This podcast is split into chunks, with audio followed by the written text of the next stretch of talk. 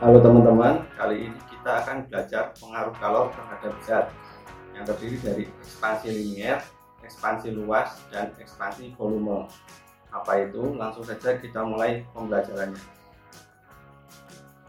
Pada umumnya, benda akan mengalami ekspansi atau memuai pada saat dipanaskan.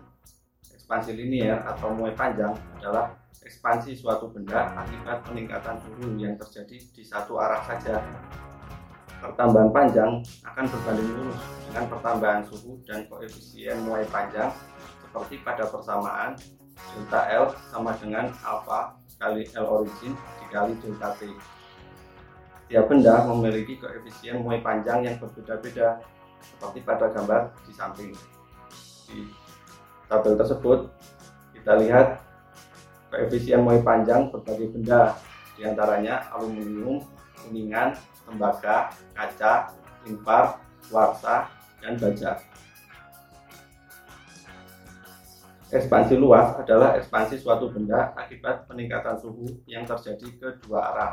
Pertambahan luas permukaan benda akan berbanding lurus dengan pertambahan suhu dan koefisien muai luas seperti pada persamaan delta A sama dengan beta kali A origin dikali delta T. Pertambahan luas tentu dapat terjadi karena pertambahan panjang dan lebar. Dengan demikian, terdapat hubungan antara koefisien muai panjang alfa dan koefisien muai luas beta, yaitu beta sama dengan 2 kali alfa. Ekspansi volume adalah ekspansi suatu benda akibat peningkatan suhu yang terjadi secara menyeluruh ke segala arah.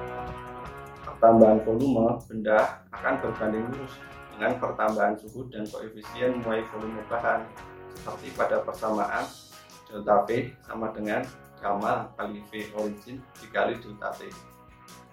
Hubungan antara koefisien muai panjang alfa dan koefisien muai volume gamma yaitu gamma sama dengan 3 kali alfa. Nah, fisika asik kan? Sampai jumpa di video pembelajaran selanjutnya ya teman-teman.